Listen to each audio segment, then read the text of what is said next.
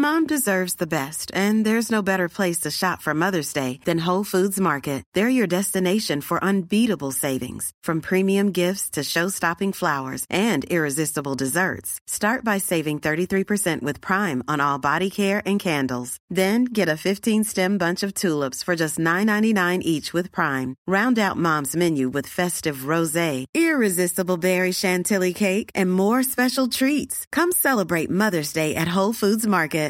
Here's a cool fact a crocodile can't stick out its tongue. Another cool fact you can get short term health insurance for a month or just under a year in some states.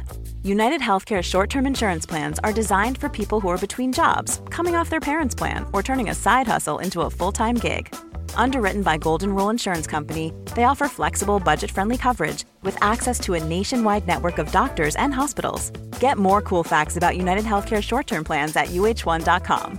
I'm Sandra, and I'm just the professional your small business was looking for. But you didn't hire me because you didn't use LinkedIn jobs. LinkedIn has professionals you can't find anywhere else, including those who aren't actively looking for a new job but might be open to the perfect role, like me.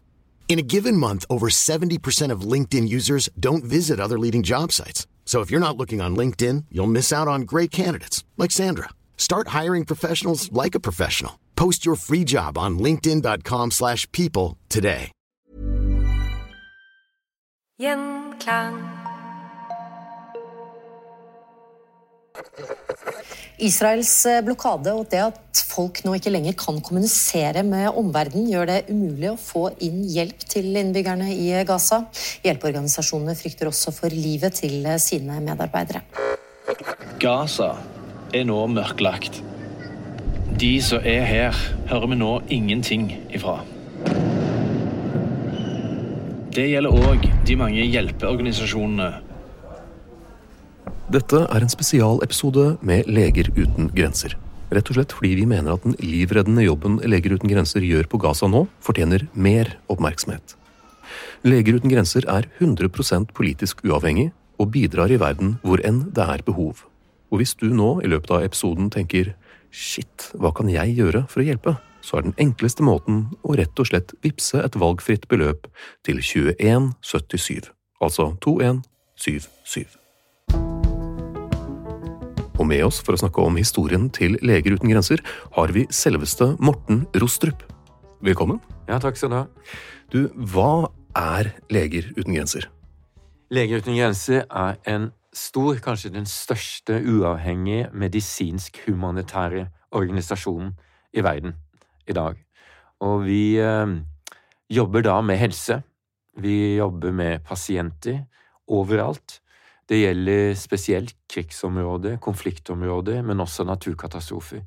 Så vi har en rekke forskjellige programmer over hele verden, i mellom 70 og 80 forskjellige land, og er aktive med svært mange nasjonalt ansatte, men vi har også eh, store internasjonale team, og det er også en del av hvordan vi jobber i Leger uten grenser. Det er veldig mange land dere er, dere er eh, i, altså. Ja da, absolutt. Og dessverre kan man si at vi, trenger fortsatt en organisasjon Ja. eh, som Leger uten grenser.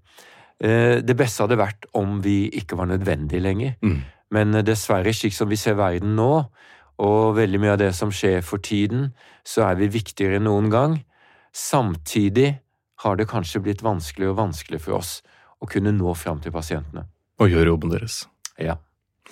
Men hvordan ble ideen om denne organisasjonen til?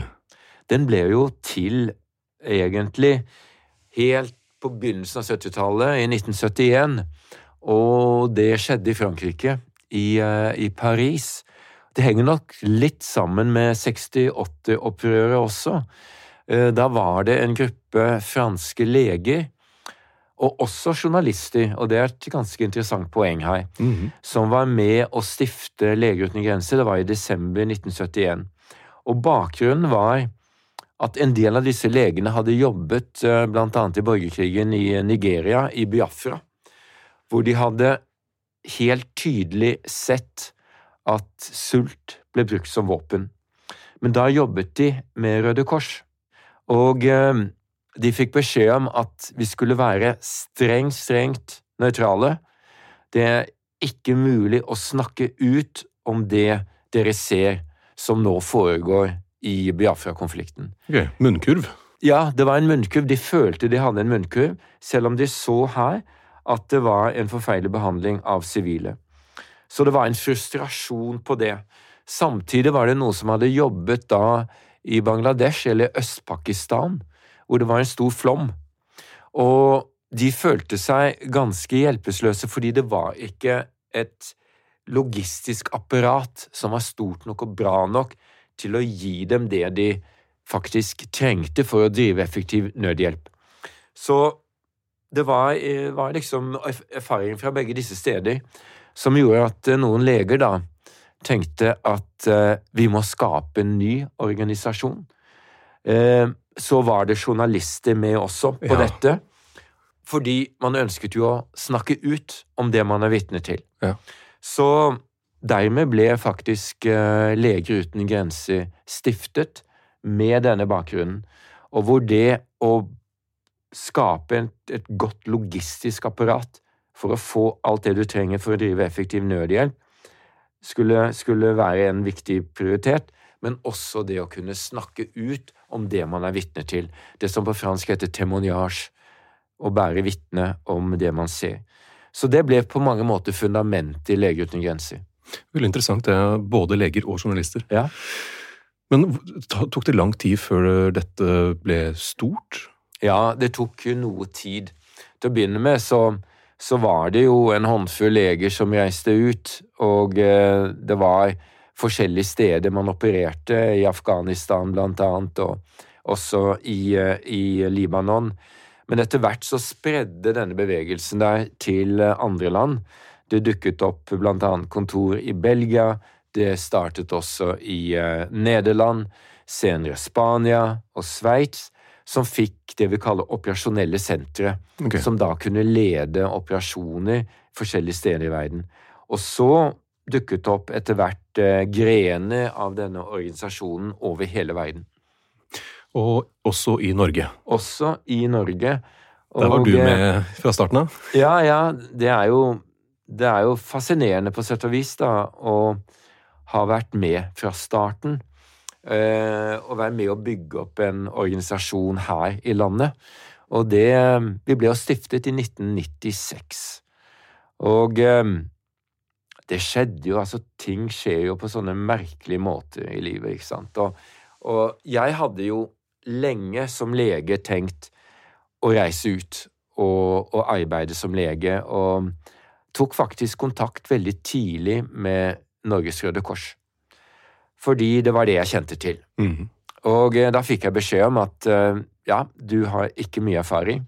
Du har, ikke, du har ingen spesialitet som, som, lege, og du har ikke vært ute og jobbet før heller, slik at uh, det er nok vanskelig å få bruk for leger som deg. Så jeg slo det egentlig litt fra meg og tenkte ok, jeg får begynne å ta en spesialitet. Så jeg begynte den veien, men hele tiden så lå det i bakhodet mitt at uh, hvis det er en mulighet, mm. så, så, kan det kanskje være noe jeg får gjort senere. Og så var det en god venn av meg, Erik Hanke, som har en bror som traff en fyr fra Belgia i en bar i Oslo. og han var fra Leger uten grenser, og han sa at de hadde tenkt på fra hovedkontoret da, i Brussel å kanskje starte litt opp i Norge som Leger uten grenser. Men han trengte kontakt med norske leger, da. Aha. Og da sa broren til Erik da at jo, broren min er lege. Så husker jeg eh, vi, Erik og jeg var på vei, vi skulle på et felles møte i Fredrikstad. Det er sånne ting du husker i livet, faktisk. eh, sitter i min gamle Volvo og eh, kjører nedover der. Og så forteller Erik det, at han er, broren hadde truffet en fyr fra Leger uten grenser som gjerne ville ha kontakt med norske leger, for å se både å rekruttere norske leger og kanskje diskutere om man kunne starte Leger uten grenser i Norge. Og jeg husker det veldig godt. Jeg husker landskapet utenfor eh, da vi kjørte nedover, og det slo meg med en gang nå, nå skjer det. Endelig, dette er noe. Uh, og det var en sånn spesiell følelse. Så jeg sa selvsagt må vi treffe han. Og vi avtalte møtes i en annen bar. Men det var akkurat på den tiden de skiftet eh, fra sommertid til vintertid. Oh, ja. Så vi kom en time for seint, da. Men, men heldigvis så, så var han fortsatt der. Eh, han hadde bommet på tiden. Så da hadde vi et møte, og så um, bestemte vi oss for dette må vi eh, se på. Dette var eh, tilbake i 95, og så begynte um, egentlig ting å rulle, og i 96, høsten 1996, så stiftet vi Leger uten grenser i Norge. Og da var det Ragnhild Lindgaard som var sykepleier. Hun hadde vært ute på et oppdrag i Liberia for Leger uten grenser, som vi tilfeldigvis fikk da kontakt med, Erik og jeg. Og det var starten på hele organisasjonen. Tre musketerer. Ja, vi var på en måte tre musketerer, og på den tiden var jo vi Vi var jo ikke noe profesjonelle på noen som helst måte, men vi hadde en stor organisasjon i ryggen. Og samtidig så startet borgerkrigen i Kongo. Mm. Og eh, det var behov for leger der. Og eh, Norge skulle sende et svært sånn cargofly med proteinrik kjeks til Rwanda, som skulle brukes til flyktninger som kom fra Kongo. Så sa de det kunne vært lurt kanskje om eh, vi har plass på flyet, dette var jo svært cargofly med masse kjeks, om jeg kunne bli med. Flyet går om to dager. Har du mulighet til å bare hoppe på det flyet? Og jeg Selvfølgelig hadde jeg veldig lyst til det, men jeg hadde jo en jobb. Det var tross alt Da var jeg i en sånn litt mer fristilt forskerstilling. Så jeg tenkte jeg, jeg får jo gi beskjed. Men eh, det er et godt tips kanskje man kan bruke av og til. Det er det hvis man er litt tvil om hva slags svar man får, men likevel føler at man bør stille spørsmålet. Så jeg ringte til sjefen min. Så lot jeg telefonen ringe nok til at jeg kan si at den er ringt, men la på før det ble noe svar. Og så reiste jeg. Uten noe mer. Du hadde forsøkt. Jeg reiste og havnet på flyet, og der lå vi og sov på alle disse kjekspakkene.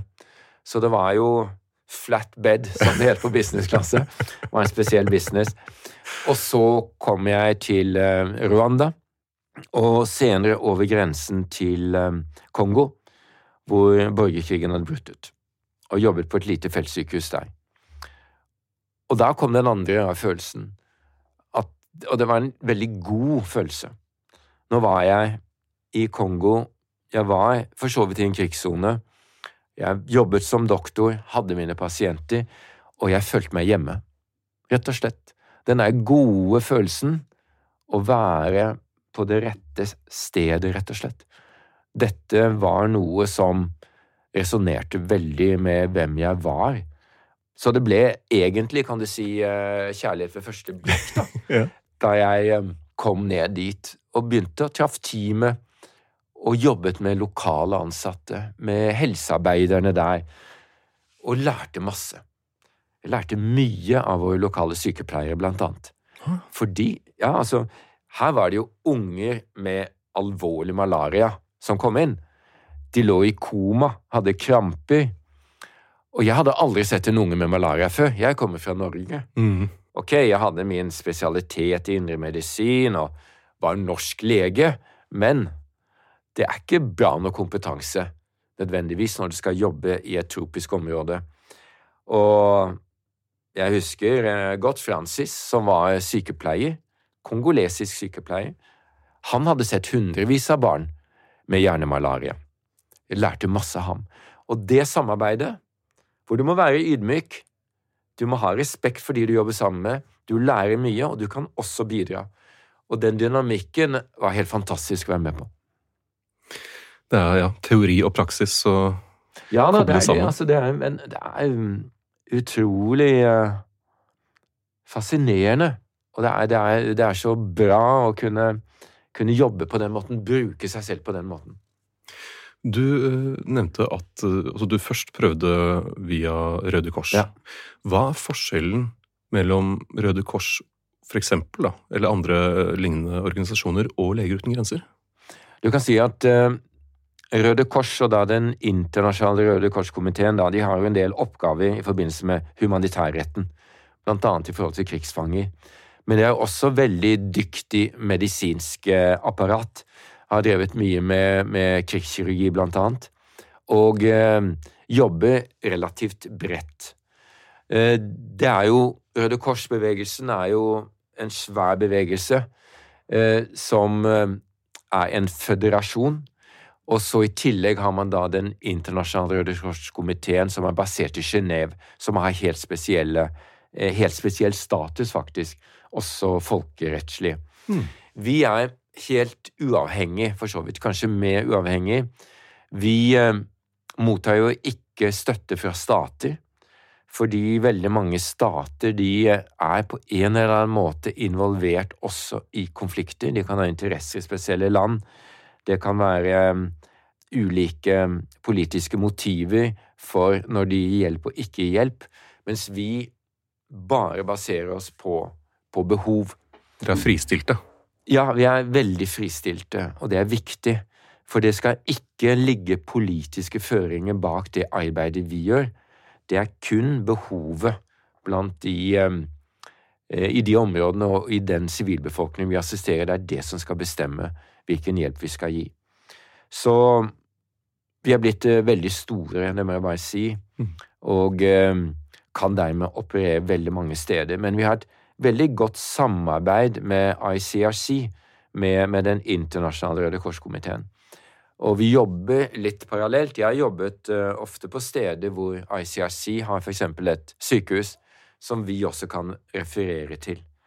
Og de er også, spesielt ICRC, er jo veldig på de humanitære prinsippene. Mm.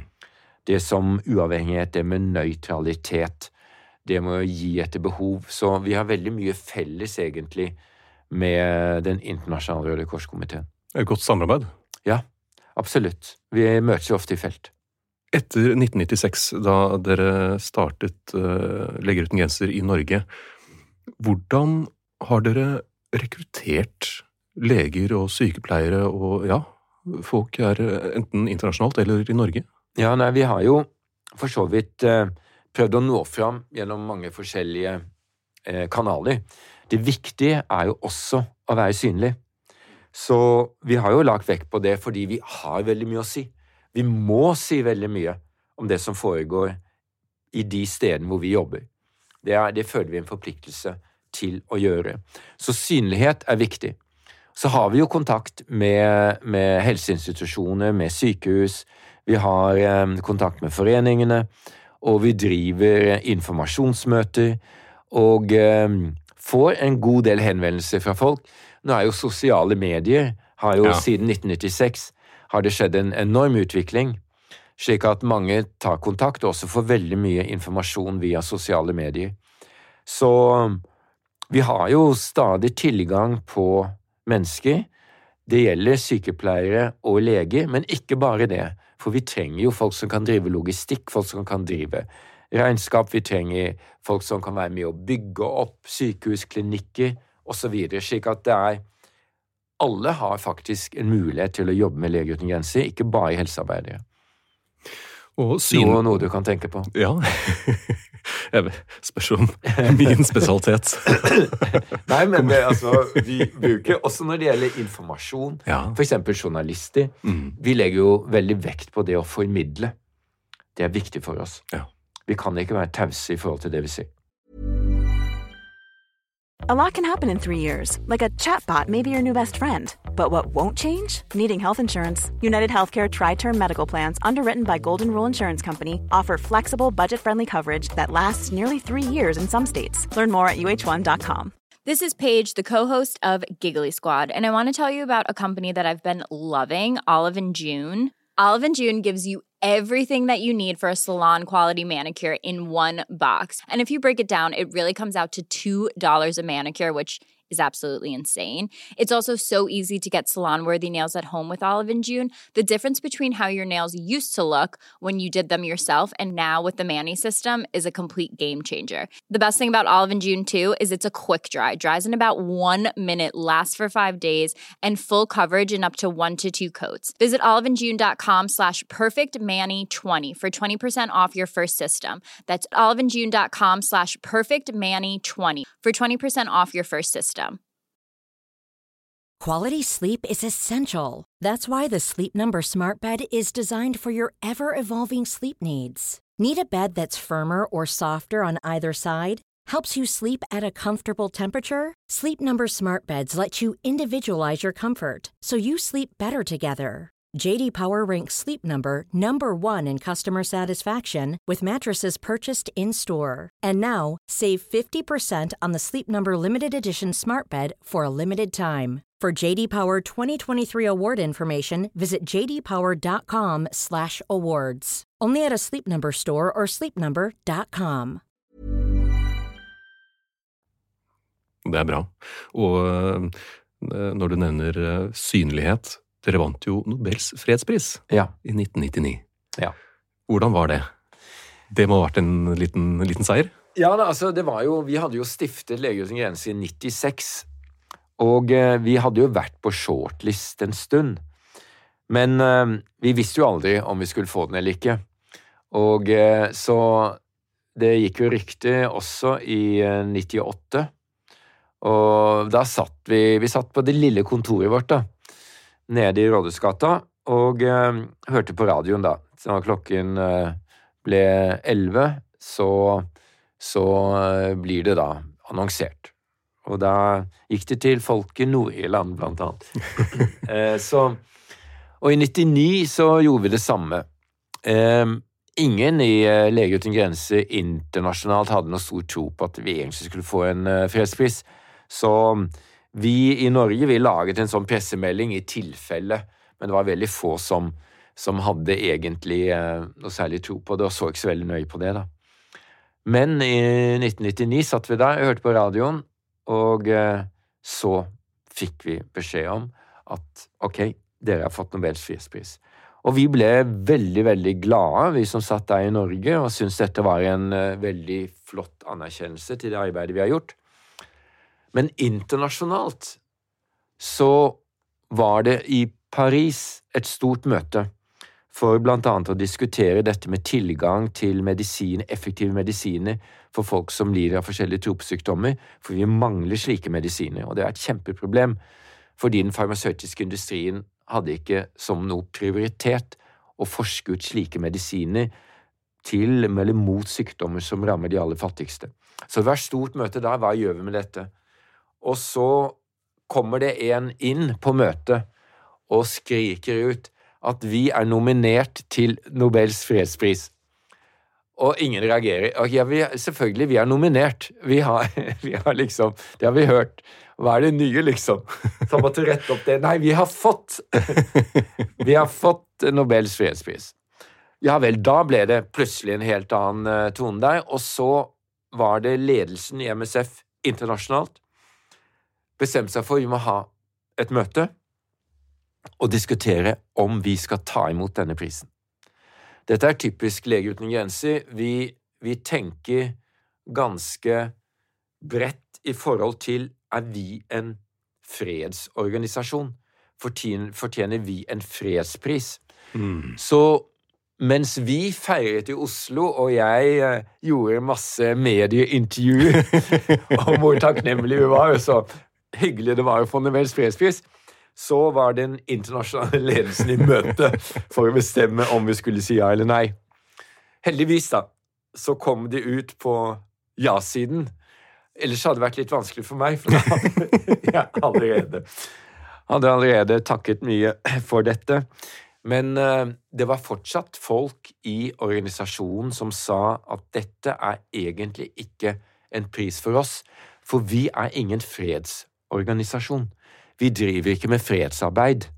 Vi driver med medisinsk humanitært arbeid i konfliktområder, og det er det som er vårt fokus.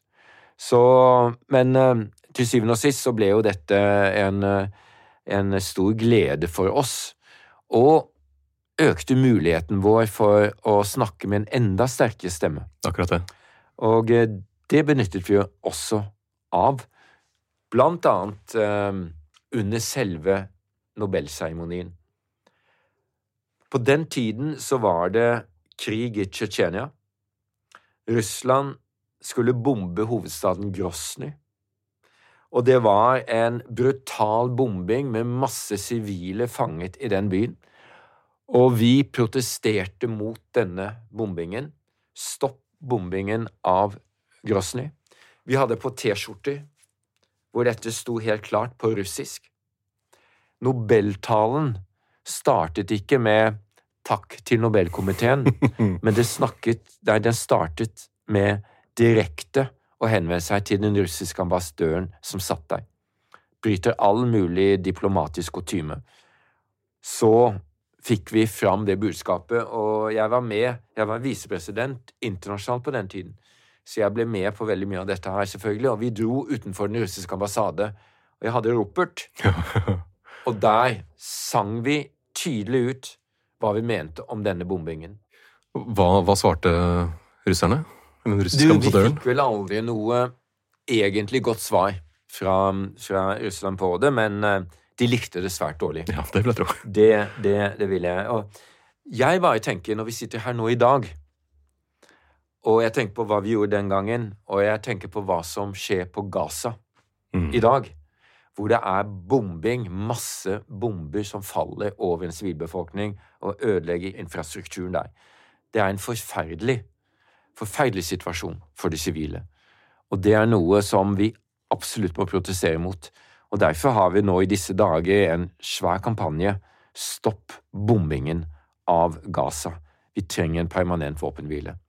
Så det er Hele vår historie er jo preget av det å stå på alt vi kan for en sivilbefolkning som er fanget i en konflikt, som er helt uskyldige.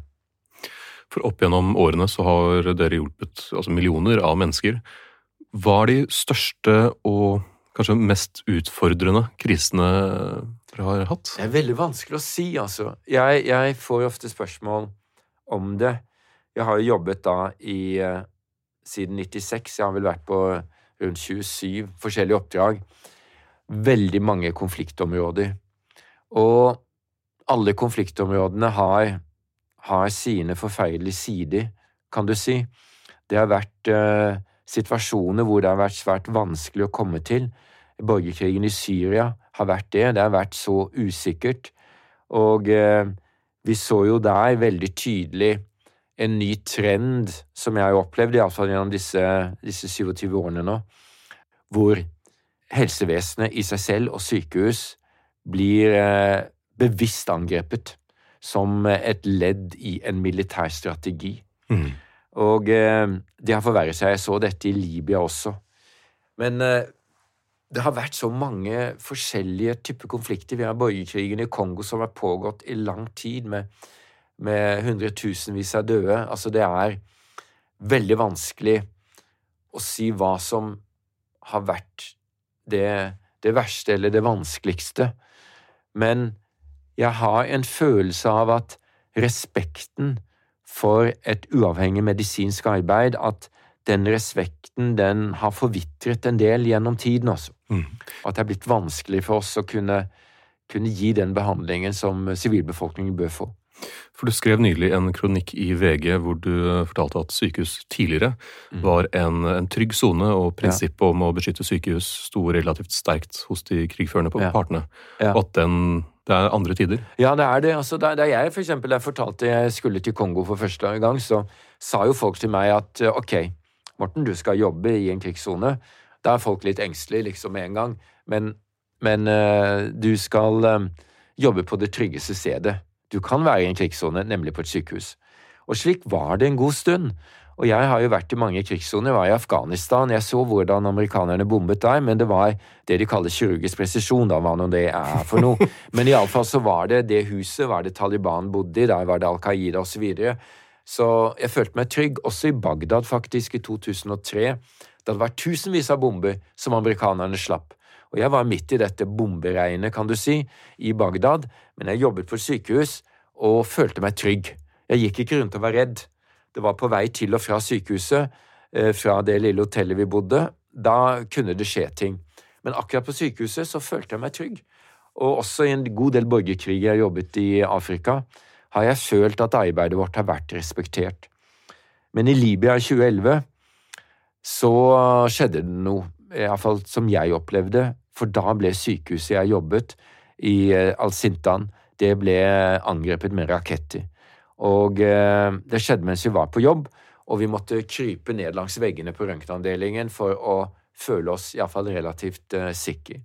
Men uh, det falt ned raketter bare 100 meter fra hvor vi var, så vi var heldige. Men da måtte vi evakuere de internasjonale hjelpearbeiderne fordi det ble for farlig. Og det er også, bare for å si det, det er jo en forferdelig situasjon når du jobber tett, eh, veldig nær frontlinjen, med pasientene dine og med dine lokale medarbeidere, og så må du forlate dem ja. av sikkerhet. Mens de blir der. De kan ikke reise over til et annet land, slik som vi kan.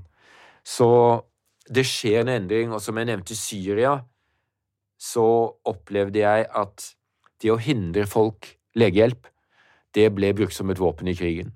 Bevisst. Det var slik de bombet et marked, og så 20 minutter, en halvtime etterpå, bombet de sykehuset hvor alle de skadde fra markedet kom. Sånn dobbeltangrep. Dette er helt bevisst. Det er en terror, mm. og det ødelegger infrastruktur. Markedet ble bombet, skole ble bombet. Det ble ulevelig i deler av Syria, og det tvinger folk på flukt. Mm. Og eh, Ukraina Russerne har altså bombet Nå gjorde Verdens helseorganisasjon statistikk. I mai hadde de registrert over 1000 angrep på helsevesenet i Ukraina. Og så Hva ser vi nå? Ok, det var Syria, også Russland som bombet i, i, i Syria. Så er det Russland som driver en uh, brutal krig i Ukraina. Men så kommer da konflikten i Gaza. Dette er en vestlig alliert, og Vesten har jo vært de som har kritisert Syria massivt for brudd på folkeretten, for den form for krigføring de har drevet. Og det har vært sanksjoner. Samme selvfølgelig med Russland, som da driver en brutal angrepskrig. Men så, hvor er den folkerettslige fanen som Vesten har svingt i de andre konfliktene? Hvor er den blitt av?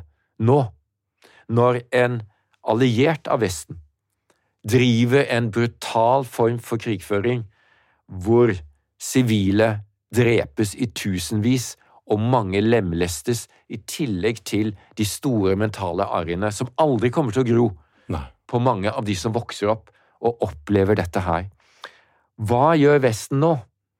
Og det må jeg si frustrerer meg veldig. Man kan si, og det man har sagt, at dette er en forsvarskrig, til forskjell fra borgerkriger, til forskjell fra en angrepskrig. Men det går en grense. Her går det en grense, og den er overskredet for lenge siden. Så nå må det må skje noe. Vi, altså, hele verden er jo vitne til det som skjer nå. Vi ser det jo på TV dag etter dag, og dette skjer på våre politikeres vakt. Vestlige politikere allierte til Israel har et stort ansvar for hva som skjer nå, og de må legges press på Israel for å få en varig våpenhvile. Det er ingen vei utenom.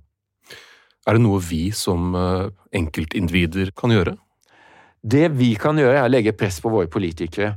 Nå skal sant sies at norske politikere har vært mye bedre, syns jeg, i å reise dette spørsmålet internasjonalt. De stemte i FN for en resolusjon. De ble kritisert for det. Og eh, en del andre skandinaviske land stemte jo ikke for den resolusjonen. De, eh, de, jobber så Men de må jobbe mye mer. Mm. Det er det vi sier. Og vi som medlemmer av det norske samfunn, det vi kan gjøre, er å presse våre politikere enda mer. Og nå har vi en underskriftskampanje gående som er Stopp bombingen, og den kan alle gå inn og skrive under på. Hvor eh, finner man dette? Den finner man på eh, Lege uten grenser sine websider. Det er muligheter hvis man følger på Instagram, Facebook osv. Jeg er Jeg har ingen konto på sosiale medier, så, så, jeg har holdt meg unna sosiale medier sånn sett. Men jeg dukker opp av og til på Leger uten grenser sosiale medier. da. Men det er bare å gå og søke opp det. Klikke på og skrive under. Eh, vi startet denne altså Etter at vi startet den, bare i løpet av eh, første kvelden og natten, har vi fått over 15 000 underskrifter. Så, og den pågår. Så det er bare å gjøre det. Og vi har skrevet et brev som skal leveres til uh, statsministeren og utenriksministeren når kampanjen er avsluttet.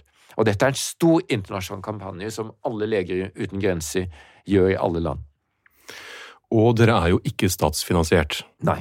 Så eh, hvordan kan eh, man bidra med en slant hvis det Det kan man, eh, og det er jo viktig for oss. Vi ønsker å være uavhengig av alle politiske føringer. Mm. Spesielt i verden i dag, som er blitt veldig komplisert, hvor det er mange interesser. Også økonomiske interesser, politiske interesser. Det er mye som skjer. Det kan være bedrifter som ønsker sånn og sånn inngang i forskjellige land. Så er det veldig viktig for oss å være uavhengig. Og da er vi avhengig av folk rundt omkring som da har mulighet til å støtte oss i vårt arbeid. Og det har vi. Vi har mange faste givere. Vi ønsker selvfølgelig flere.